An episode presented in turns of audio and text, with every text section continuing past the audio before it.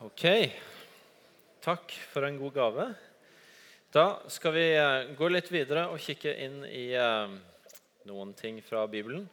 Det, eh, det, dette året, fra, fra, høsten og til våren, så jobber vi med Jesu liv og tre sider ved Jesu liv. Vi har brukt veldig mye av høsten på godheten som fulgte Jesu liv. Nå på nyåret skal vi fortsette å se på hvordan ordet fulgte livet hans, og etter hvert også underne og tegna. Men i dag så tar jeg meg friheten til å hoppe litt ut av det og snakke litt mer nytt år. Ehm, det er jo et privilegium å få ha nyttårstalen uten å sette meg sjøl i sammenheng verken med kongen eller statsministeren. Ehm, så, så er jo det et privilegium. Det hadde jeg i fjor, og det har jeg fått i år, og det er kjekt. Det er jo en sånn punkt på året hvor vi ofte tenker litt igjennom det som har vært, og det som kommer. Aner ikke om åssen uh, dere ligger an med nyttårsforsetter og sånn her inne. Jeg har inntrykk av at det er en sånn elsk-hat-greie. Noen går på med friskt mot hvert år, og andre blir nesten irritert når du nevner det. fordi det er jo sånne ting som man bare bryter uansett i løpet av januar. Um, og Min agenda i dag er for så vidt ikke at noen av dere skal skaffe dere nyttårsforsetter.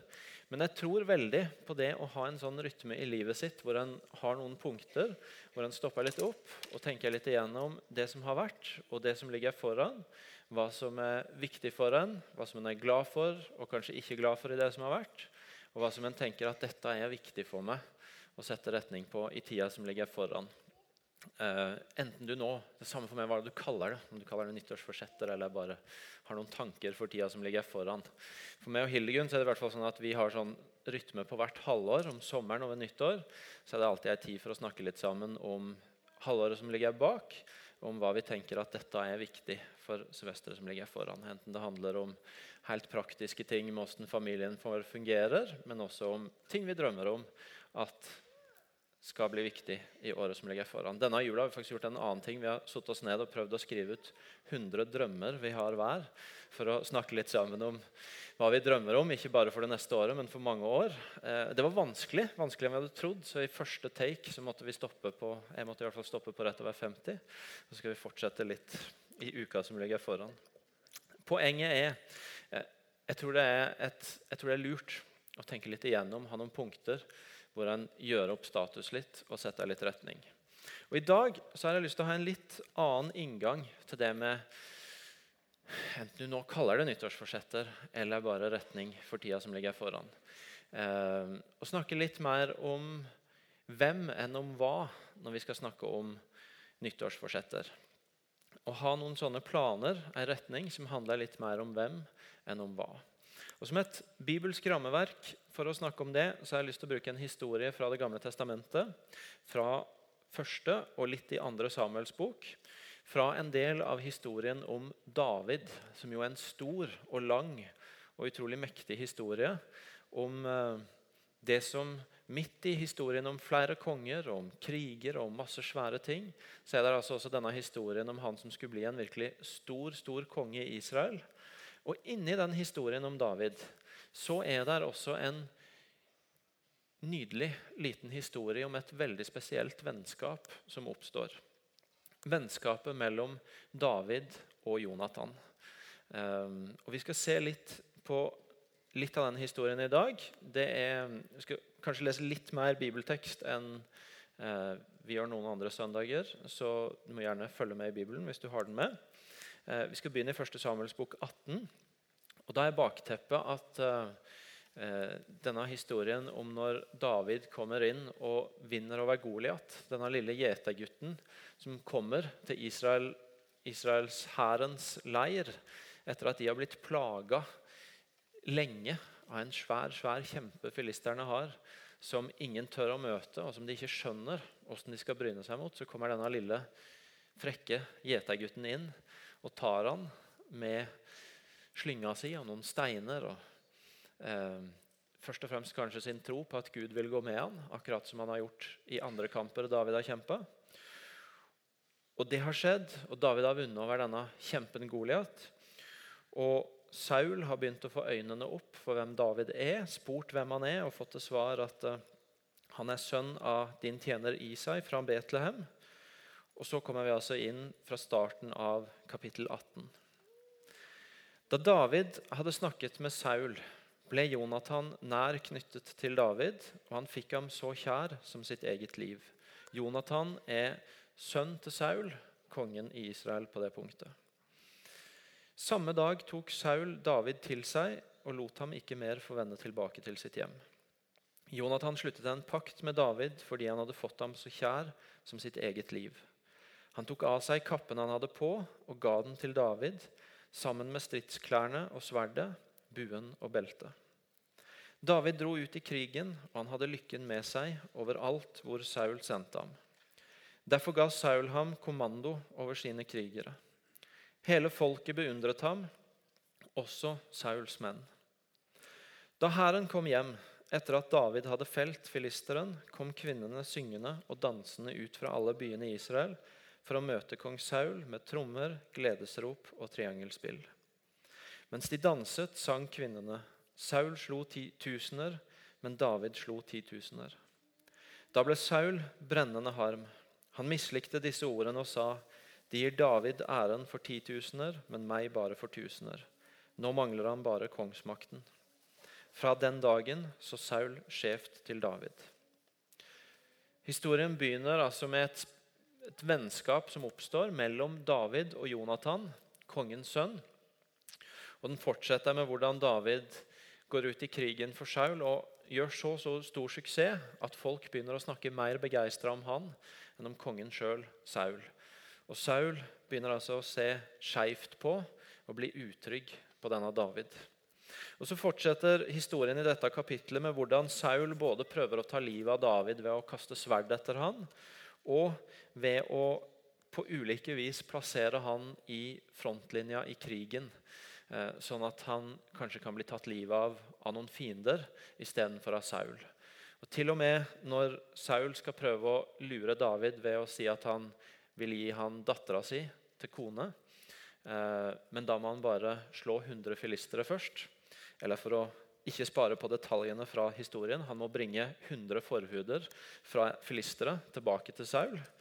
Eh, så kommer altså ja, ikke, si, skal, Det er fristende å gå inn og prøve å beskrive når David kommer tilbake og har skaffa det. Men vi skal hoppe over det for i dag. Dere kan ta det med hjem og visualisere i kveld. Men eh, han, han klarer det òg. Saul pønsker ut planer, men David lever. Og ettersom dette går, så, eh, så, står det også at Saul bare blir mer og mer redd for David. Og Så kommer vi til kapittel 19, hvor dette har fått lov til å utvikle seg. Og Vi leser ifra vers 1. En gang snakket Saul med sin sønn Jonathan og med alle sine menn om å få David drept. Men Jonathan, Sauls sønn, holdt meget av David. Derfor fortalte han dette til David og sa, Min far Saul har til hensikt å drepe deg. Ta deg i vare i morgen tidlig. Finn deg et skjulested og gjem deg der. Så vil jeg gå ut på marken hvor du er, og stå ved siden av min far. Jeg vil snakke med han om det, og merker jeg noe, skal jeg si deg det. Jonathan talte Davids sak hos sin far Saul. Han sa, Kongen må ikke gjøre urett mot sin tjener David, for han har ikke gjort urett mot deg. Det han har gjort, har snarere vært til stor gagn for deg. Han satte livet på spill og felte filisteren, og Herren lot Israel vinne en stor seier. Du så det selv og gledet deg. Hvorfor vil du da synde ved å la uskyldig blod flyte og drepe David uten grunn? Saul hørte på Jonathan og sverget. Så sant Herren lever, han skal ikke miste livet. Da ropte Jonathan på David og fortalte ham alt sammen. Jonathan førte David fram for Saul, og David ble hos ham som før. Igjen er Saul klar til å ta Davids liv, og denne gangen så går Jonathan inn og taler vennen sin sin sak for faren, med det utkommet at Saul ombestemmer seg, og David blir. Og Så fortsetter dette kapitlet egentlig med å fortelle igjen hvordan Saul, etter at det har gått litt tid, allikevel gjør nye forsøk på å få tatt livet av David. Både med spydet sitt og med å oppsøke han hjemme eh, hjemme der han bor, og hvor kona hans får nyss i det og smugler han ut om natta, og de finner ei tom seng. Eh, og det er også andre historier om det. Bl.a. om Saul sine menn som kommer for å ta han hos profeten Samuel. og Så ender med at Sauls menn nå havner i profetisk henrykkelse og glemmer fullstendig hva de egentlig var kommet for å gjøre. Så David er åpenbart beskytta.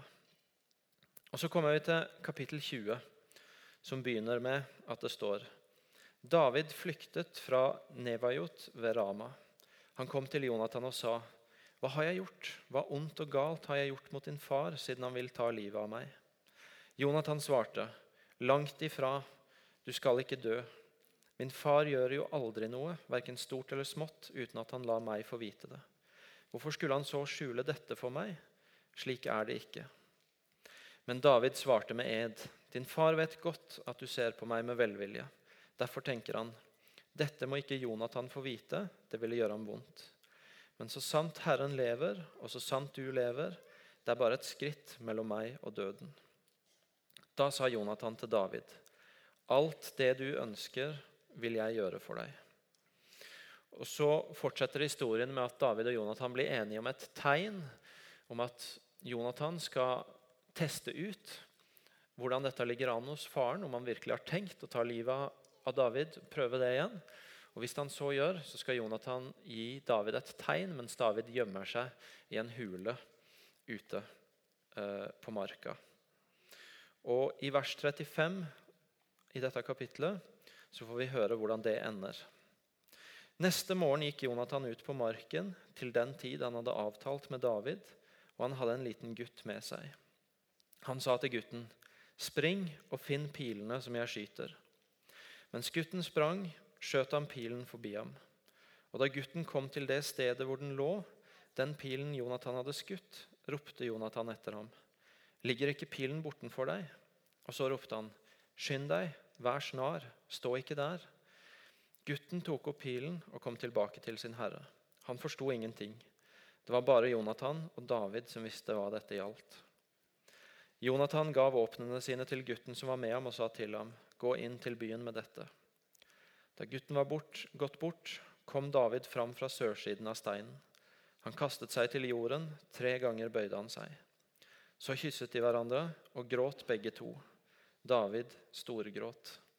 Og Jonathan sa til David, Gå bort i fred, for vi to har sverget hverandre i Herrens navn, at Herren for alltid skal være vitne om løftet mellom meg og deg, og mellom min og din ett.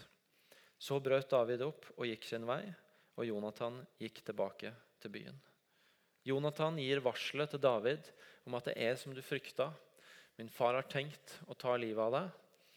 Og de tar farvel, de gode vennene. Etter at Jonathan igjen har redda Davids liv ved å varsle han, så tar de farvel med å minne hverandre om den, det løftet de har gitt om å være venner livet ut. Og Så fortsetter historien om David, og vi skal ikke ta hele den nå. Den er lang, og, eh, eh, og det skjer forskjellige ting som etter hvert også ender opp med at David blir konge, som han var salva til, og som Saul frykta. Og Så skal vi bare ta med oss en siste del av historien om David og Jonathan i 2. Samuels bok, fra kapittel 9 og vers 1.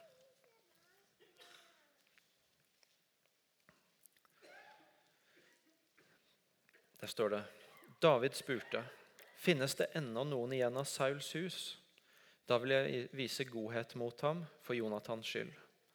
Det var en tjener fra Sauls hus som het Siba. Han ble kalt til David, og kongen spurte ham, 'Er du Siba?' 'Til tjeneste', svarte han. Da spurte kongen, 'Er det ikke en eneste igjen av Sauls hus, så jeg kan vise ham Guds godhet?' Siba svarte kongen, 'En av Jonathans sønner lever ennå.' Han har en lammelse i føttene. Hvor er han? spurte kongen. Siba svarte. Han er hjemme hos Maker, sønn av Amiel i Lodebar. Da sendte kong David bud og hentet, hentet ham hjemme hos Maker, sønn av Amiel i Lodebar. Da Mefiboset, sønn av Jonathan, sønn av Saul, kom til David, kastet han seg ned med ansiktet mot jorden. David sa, Mefiboset, han svarte, her er din tjener. David sa til ham, Vær ikke redd, for jeg vil vise godhet mot deg for din far Jonathans skyld. Du skal få igjen all den jorden som tilhørte din far Saul, og du skal alltid spise ved mitt bord. Da bøyde han seg igjen og sa, Hva er vel jeg, din tjener? Hvorfor bryr du deg om meg, en død hund som meg? Men kongen kalte på Siba, Sauls tjener, og sa til ham, Alt det som har tilhørt Saul og hans hus, gir jeg til din herres sønn. Og Så sier han også i vers 10 at eh, Mefiboset skal alltid spise ved mitt bord. Selv om Jonathan er død, selv om David er sikker nå og er kommet i posisjon som konge, så velger han å anerkjenne vennskapet ved å gi eiendom og trygge plassen til en av Jonathans sønner. Litt lang historie, men en utrolig flott historie om et vennskap som redder liv, og som får bety veldig mye for David. Og Vi skal se litt mer på det straks. Men Bibelen er ei bok som veldig enkelt sagt handler om relasjon, relasjon og om ansvar. Den handler på den ene sida om en Gud som ønsker å ha en relasjon med oss. Og på den andre sida om at ut ifra den relasjonen så gir Gud oss mennesker et ansvar for den virkeligheten og den jorda vi lever på. Før syndefallet så viser det seg ved at Gud er der menneskene er. Og de lever i samfunn med hverandre, de lever i relasjon med hverandre. De har tilgang til hverandre. Og etter syndefallet så viser dette seg ved at egentlig resten av historien fra etter syndefallet er en historie om at Gud prøver å oppsøke eller ikke bare prøver, men han oppsøker menneskene igjen fordi han ønsker å opp, gjenopprette den kontakten og den relasjonen som gikk tapt i og med syndefallet.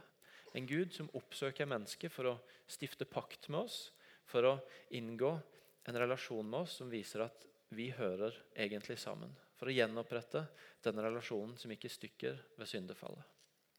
Og Samtidig så er det altså denne historien om hvordan før syndefallet mennesket får beskjed om at her er jorda, dere må ta ansvar for den. Forvalt det som ligger på den. Forvalt dyra og marken og alt det som er skapt her. Og etter syndefallet så kommer ansvaret til uttrykk ved at vi får et oppdrag i å ta Guds rike og Guds virkelighet tilbake til denne jorda og til den virkeligheten vi lever i. Til å utbre Hans rike og den virkeligheten som kjennetegner Gud, rundt oss. Og så er det sånn at Enkelt sagt så handler det om relasjon og ansvar i den rekkefølga.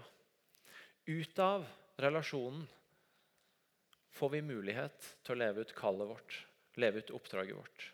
Ut av at vi har en relasjon til Han som har skapt oss, og at den blir gjenoppretta, så blir vi også satt i stand til å ta ansvar for virkeligheten rundt oss, til å utbre Guds rike, til å fullføre de drømmene Gud legger i hjertet vårt, til å fullføre det kallet Han gir for hver enkelt av våre liv.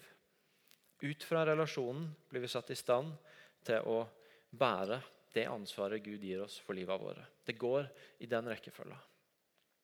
Og Så tror jeg vi av og til gjør en bommert. og Det er å tenke at det der det handler bare om oss og Gud. At hvis jeg og Gud har relasjonen vår og vennskapet vårt på stell, så får jeg det jeg trenger for å leve ut det han har skapt meg til å leve ut. Hvis jeg søker Gud hele veien, så får jeg det jeg trenger for å gjøre det han har lagt meg på hjertet. Og Det er selvfølgelig sant, men det er også en bommert hvis det er alt vi sier. Fordi mye av det som handler om å bli utrusta, skjer også i relasjonene mellom oss som tror på Han. Eh, det handler ikke bare om linja mellom oss og Han, men det handler også mellom hverandre. Mye av det livet som Gud ønsker å gi oss for at vi skal kunne leve ut kallet han har over hver enkelt av vårt liv, for at vi skal kunne leve ut de drømmene han legger i hjertet vårt. Mye av det får vi når vi lever også i relasjon med andre mennesker. Det handler ikke bare om oss og Gud, men det handler også om oss og andre mennesker. Um, I Johannes 17, 22-23 Ta med det verset òg så sier Jesus når han ber for sine disipler, at den herligheten du har gitt meg, har jeg gitt dem for at de skal være ett, slik vi er ett. Jeg i dem og du i meg, så de helt og fullt kan være ett. Da skal verden skjønne at du har sendt meg, og at du elsker dem slik du har elsket meg. Det at Gud er en relasjonell Gud, handler ikke bare om relasjonen mellom oss og han. Men i fellesskapet mellom oss så blir også noe av Guds liv åpenbart for oss. Og Det handler både om at vi får tak i det Gud vil gi til oss, og om at verden rundt oss får se hvem Gud er. Um, ja. Og de, dere som hører til her, Dette er et hus og dette er en menighet som jeg tror generelt snakker mye om.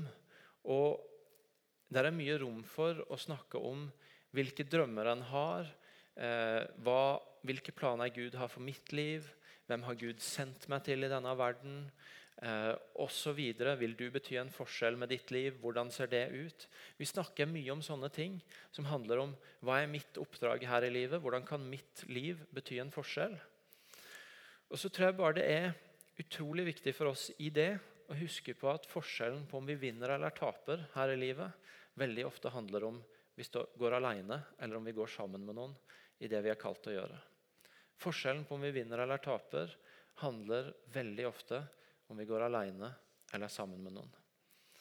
Um, og når jeg sier det, så snakker ikke jeg bare som pastor i denne kirka med et budskap om at hvis jeg skal lykkes med de drømmene eller planene jeg har for denne kirka, så trenger jeg at dere går sammen med meg. Det er sant. Men jeg snakker like mye som Elling, som ektemann eller pappa eller bare meg, og de tinga som jeg tror Gud har lagt over mitt liv i de rollene. Hvor det også der er en sannhet for mitt liv at veldig ofte så er forskjellen på om jeg vinner eller taper, om jeg går alene eller sammen med noen. 2011 har for min familie, for vår familie, jeg og Hildegunns og Elia på en måte, Det har vært et godt år, og det har samtidig vært et krevende år. Eh, vi har tatt over et stort hus og pussa opp masse. Hildegunn har hatt en graviditet som har vært over snittet krevende. Jeg har begynt i en ny jobb som er kjempegøy, men som har strekt meg masse. Og når jeg sier dette, så sier jeg ikke det for, ut fra en sånn ha medlidenhet med meg. for er, Poenget er ikke at det er synd på oss. Det er mange som har det verre, og det er mange som har gått igjennom akkurat det samme. Men det jeg sier er at akkurat som andre i den fasen av livet, så har nok kanskje vi av og til opplevd at det kan være krevende, og at det koster noe. Og Når vi allikevel kan gå ut av 2011 og si at det var et godt år, og at vi vant noen kamper det året, så handler det veldig mye om at jeg vet at jeg har noen mennesker jeg gjør dette livet sammen med. At jeg har noen som jeg vet at jeg kan stole på når jeg er i striden. Um, enten det er med mitt personlige liv, eller med mitt familieliv, eller med mitt liv som pastor. Uh, og Noen av de menneskene sitter i dette rommet, og noen av de menneskene sitter andre steder i dette landet. Noen av de menneskene sitter andre steder i denne verden, og, men jeg vet at de ber for meg. Jeg vet at jeg kan få dem på Skype hvis jeg trenger det.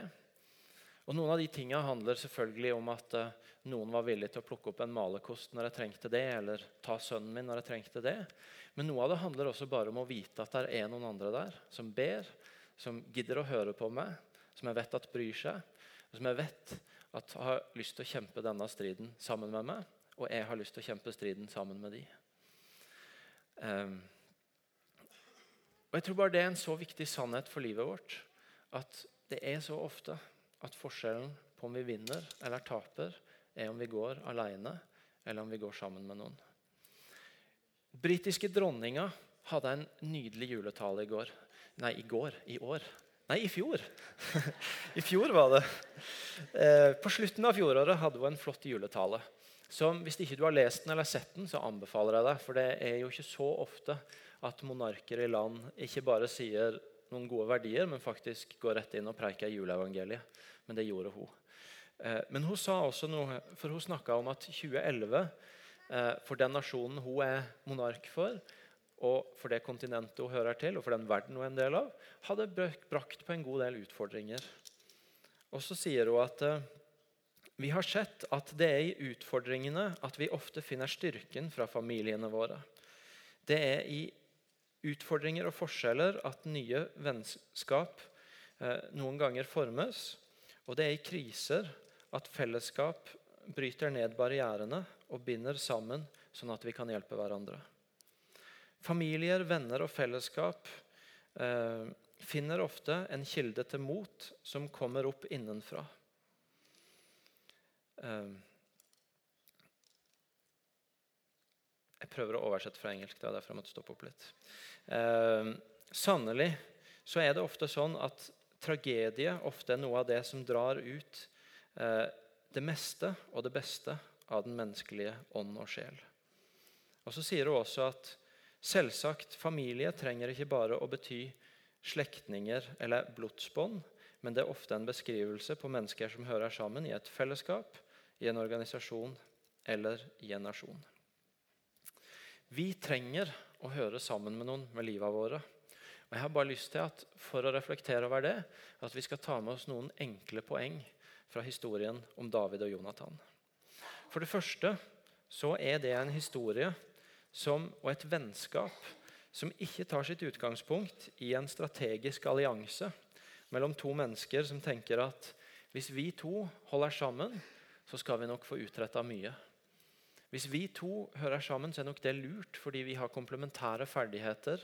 Sånn at eh, vi kan nok vinne mange kamper. Men der står det at eh, At Jonathan ble nær knytta til David, og han fikk ham så kjær som sitt eget liv. Og Ut fra det så slutta han en, pakt, en vennskapspakt med David. Det tok utgangspunkt ikke i at det er nok strategisk at vi to holder sammen, men i jeg fikk han kjær. Jeg har lyst til å høre sammen med han. Uh, og Ut fra det så danner de et vennskap. Og Det står til og med altså at de inngår en pakt, som jo var mye mer vanlig i den tida enn i vår tid, men som handler om at de lovte hverandre at vi hører sammen. De lovte hverandre at vi skal høre sammen. Uh, de tar utgangspunkt ikke i et oppdrag, ikke i at dette er strategisk lurt, men i at de er glad i hverandre og ønsker å høre sammen. Og så er det et vennskap som helt fra startpunktet av viser at de er villige til å la det vennskapet være mer enn ord. Til at de er villige til å dele ressurser med hverandre, til å stille opp for hverandre. For det står at når de har inngått denne pakten fordi Jonathan hadde fått David så kjær som sitt eget liv, så står det at han tok av seg kappa han hadde på, og ga den til David sammen med stridsklærne og sverdet, buen og beltet. Med en gang så ble dette vennskapet konkretisert, ikke bare i ord om at tenk så kjekt om vi hadde vært litt mer sammen, men jeg er villig til å gi noe av det jeg har til du, eh, når vi skal høre sammen, og når vi forplikter oss til hverandre for tida som ligger foran. Og så stadfester den vilja seg også i en vilje til å ofre seg, til å stille opp for hverandre og til å ta sjanser for hverandre. For Det historien fortsetter med, det å fortelle om hvordan Jonathan går inn og taler Davids sak når livet hans står på spill, om hvordan Jonathan er villig til å varsle David når, når, ta, når, når Saul tenker å ta livet av han. Det er et vennskap som også inneholder ikke bare, sånn, ikke bare ord, og ikke bare at ok, vi deler ressurser, men også en vilje til å ofre seg og til å stille opp når det kreves. Og så er utfallet av en sånt vennskap, som ikke begynner i noe strategisk, men i at ok, la oss høre sammen. Utfallet er enormt. At Davids liv blir bevart, og at han blir en av de store kongene i Israels historie. En stor konge i Israels historie. Eh, og Hadde ikke vennskapet med Jonathan redda livet hans, så kan det selvfølgelig godt hende at Gud hadde funnet en annen vei. Men det kan også hende at utfallet hadde blitt et annet. Eh, med utgangspunkt i et vennskap som er villig til å være mer enn ord, men som virkelig er villig til å høre sammen, så skjer det noe enormt. Noe som forandrer historien, noe som forandrer virkeligheten. Og til slutt så viser det seg at vennskapet stopper heller ikke der. Det stopper ikke når kampen er vunnet og David er blitt konge. Men David stadfester at vet du noe, dette er et vennskap som jeg har tenkt å fortsette å ære og holde fast, sjøl når Jonathan er død, ved å ta vare på etterfølgeren hans og ved å stille opp for familien til Jonathan. En historie, en nydelig historie om et vennskap som er mer enn ord, men som er så tett, og som er forskjellen på ett punkt i Davids liv, på om han vinner eller taper. Dette her det er et tema som ligger så tungt på mitt hjerte at jeg kunne snakka om det i timevis. Men jeg har lovt at jeg ikke skulle ta det så lenge i kveld. så jeg skal ikke si så mye om det. Men det er jo bare en lite sidespor som jeg har lyst til å nevne. er at eh, Hele den greia i vårt samfunn med at kjernefamilien er blitt den store enheten hvor vi hører sammen, mor og far og barn, det er jo en veldig ny konstruksjon og veldig moderne konstruksjon. Det har vært mye mer vanlig at det er storfamilier, at det er større sammensetninger av folk som hjelper hverandre til å leve livet sammen og høre sammen. Og Hvis vi ser på hvordan det går med kjernefamilien i vår tid, hvor mange av de som bryter sammen, så kan det jo hende at det er et hint til oss om at vi trenger ikke bare å finne sammen i kjernefamilier, men vi trenger å finne sammen i større fellesskap og i større vennskap, hvor vi er flere som kan stille opp for hverandre og hjelpe hverandre til å leve livet. Og Det gjør at også de som ikke har noen kjernefamilie, men som lever livet uten det, enten fordi den har gått i stykker, eller fordi en ikke har det i utgangspunktet, også de kan finne rom i, sånne, i en sånn tankegang, hvor det handler om å finne folk som en kan leve livet sammen med, og som en kan kjempe striden sammen med. Derfor så er mitt spørsmål til oss i dag hva om nyttårsforsettene for 2012 handla litt mindre om hva vi har lyst til å gjøre i 2012, eller føler vi burde gjøre, og litt mer om hvem vi har lyst til å komme nærmere. Hvem vi har lyst til å leve livet tettere på i året som ligger foran.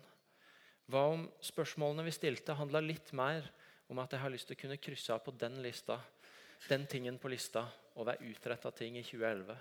Og litt mer om at jeg har lyst til å være tettere på og se mer til og bry meg mer om de menneskene i året som ligger foran. Hva med om vi alle gjorde opp en status for livet våre på tampen av 2011 og begynnelsen av 2012?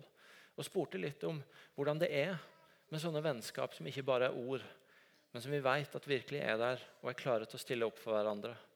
Og spør om hvordan kan vi etterjage det mer i året som ligger foran.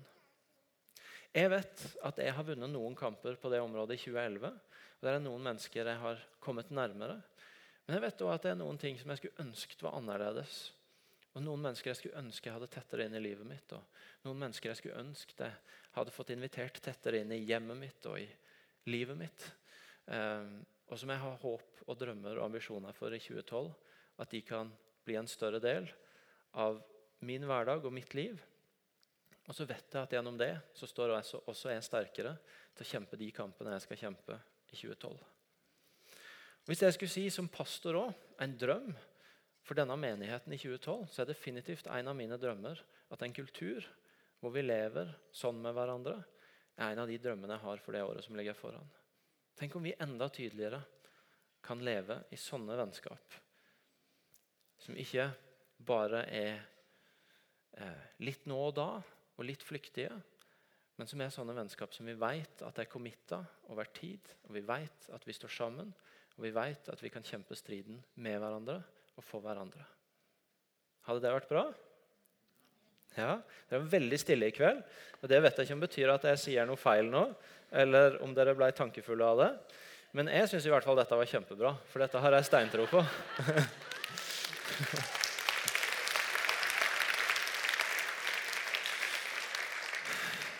Så spørsmålet er stilt er enkelt. Hvem har du lyst til å komme nærmere i 2012?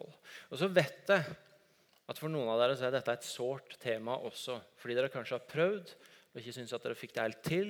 Kanskje dere ble avvist av noen dere prøvde å nærme dere. Eller kanskje har dere aldri syntes helt at dere fikk det til. Um, og Derfor har jeg lyst til at vi skal be for det nå òg. Ehm, og be om at du kan få mot til å prøve igjen og til å få en ny start. Og til at Gud også kanskje kan tale til deg om hvilke mennesker du skal ta noen steg mot i 2012. For helt ærlig, hvis den drømmen jeg har sagt nå, skal bli virkelig, også for kirka vår og for fellesskapet vårt, så er dette en av de tingene som jeg som pastor eller staben her ikke kan fikse. Jeg kan gi et språk for det, og jeg kan snakke om det, og vi kan sette opp noen rammer for å møtes. Men å utvikle sånne vennskap det er det faktisk vi sjøl som må gjøre. Det er det ikke noen andre som kan skaffe for oss. Og Derfor så er det vi sjøl som må stille de spørsmåla og begynne å ta de stega. Skal vi reise oss og be sammen?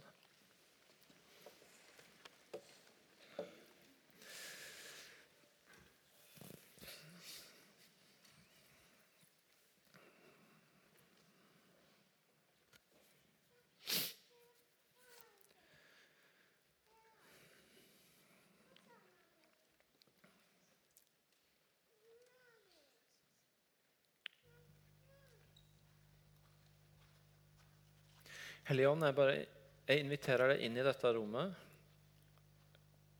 til å begynne å tale til oss om mennesker, om vennskap, om steg som kan ta oss inn i sånne relasjoner som vi vet at vi kan stole på, og gå inn i de drømmene og kalla du har for hver enkelt av våre liv med, med en visshet om at vi ikke går alene. Hellige Ånd, jeg har bare lyst til å be deg om å slippe løs en vennskapets ånd og en forpliktelsens ånd her inne. Hvor vi tør å gi oss til hverandre, hvor vi tør å forplikte oss til hverandre. Og tør å gjøre offer for hverandre. Jeg ber deg om en åpenhetens ånd som gjør at vi våger å slippe, slippe hverandre inn. Og åpne opp for hverandre og være sanne med hverandre. Jeg er den første til å bekjenne i dette rommet, far, at jeg klarer meg ikke alene i noe av det du kaller meg til. Jeg klarer meg ikke uten du, men jeg klarer meg ikke uten vennene mine her heller. Og det gjelder for alle oss her inne. Derfor så ber vi deg bare om at du skal sette oss opp for og putte oss i posisjoner til å være nær andre mennesker som kan stå sammen med oss. Jeg ber deg for kirka vår i dette året som ligger foran, om at vi skal få ta nye og viktige steg mot å leve nært hverandre, mot å stille opp for hverandre, mot å være storfamilie for hverandre.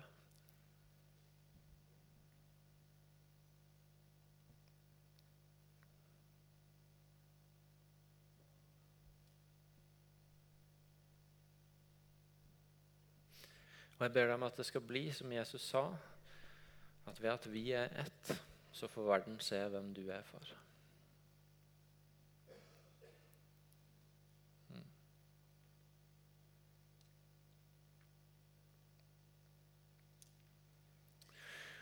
Så jeg har bare lyst til å be spesielt for de her inne som er såra og skuffa, og som syns dette er et tøft tema fordi en har prøvd og opplevd seg avvist eller ikke fått det til, eller på andre vis blitt skuffa.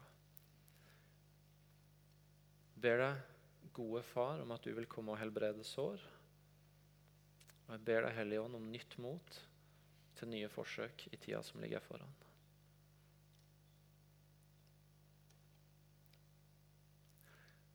Frels oss fra å ta bolig i skuffelsene. Hjelp oss til å gripe fatt i håpet.